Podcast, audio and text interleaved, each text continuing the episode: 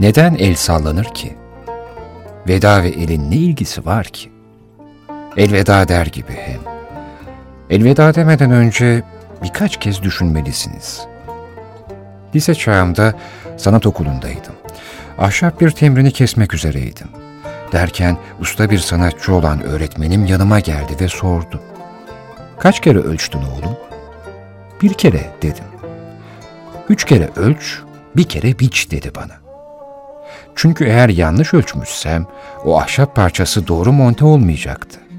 Ya boşluk kalacaktı ya da sığmayacaktı. Kesmek milimetrik olmalıydı. Elveda demek hoşçakallara benzemez. Hadi eyvallah demeye benzemez. İlk ölçtüğünüz hoşçakaldır. İkinci ölçüşünüz vedadır. Üçüncü ve son ölçmeniz ise elvedadır. Konu nereden nereye geldi değil mi? Ne demiştim oysa en başında? Neden el sallanır ki? Yaklaşırken ya da uzaklaşırken el sallarsınız değil mi? Ve veda ile elin ne ilgisi var değil mi? Hem elveda der gibi ne o öyle? Birisi size ellerimi tutsana derse hemen tutun demeyeceğim size. Bence üç kere düşünün yine de.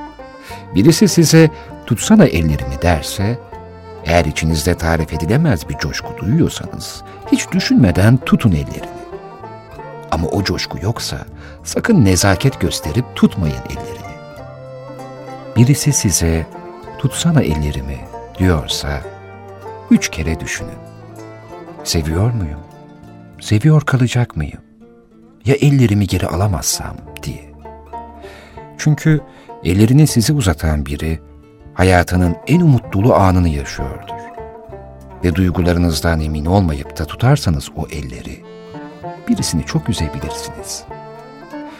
İnsanlar birbirlerine elleri, avuçlarının içi kadar severler. Çünkü her insanın yüreği, anatomisi gereği avuçlarının içi kadardır.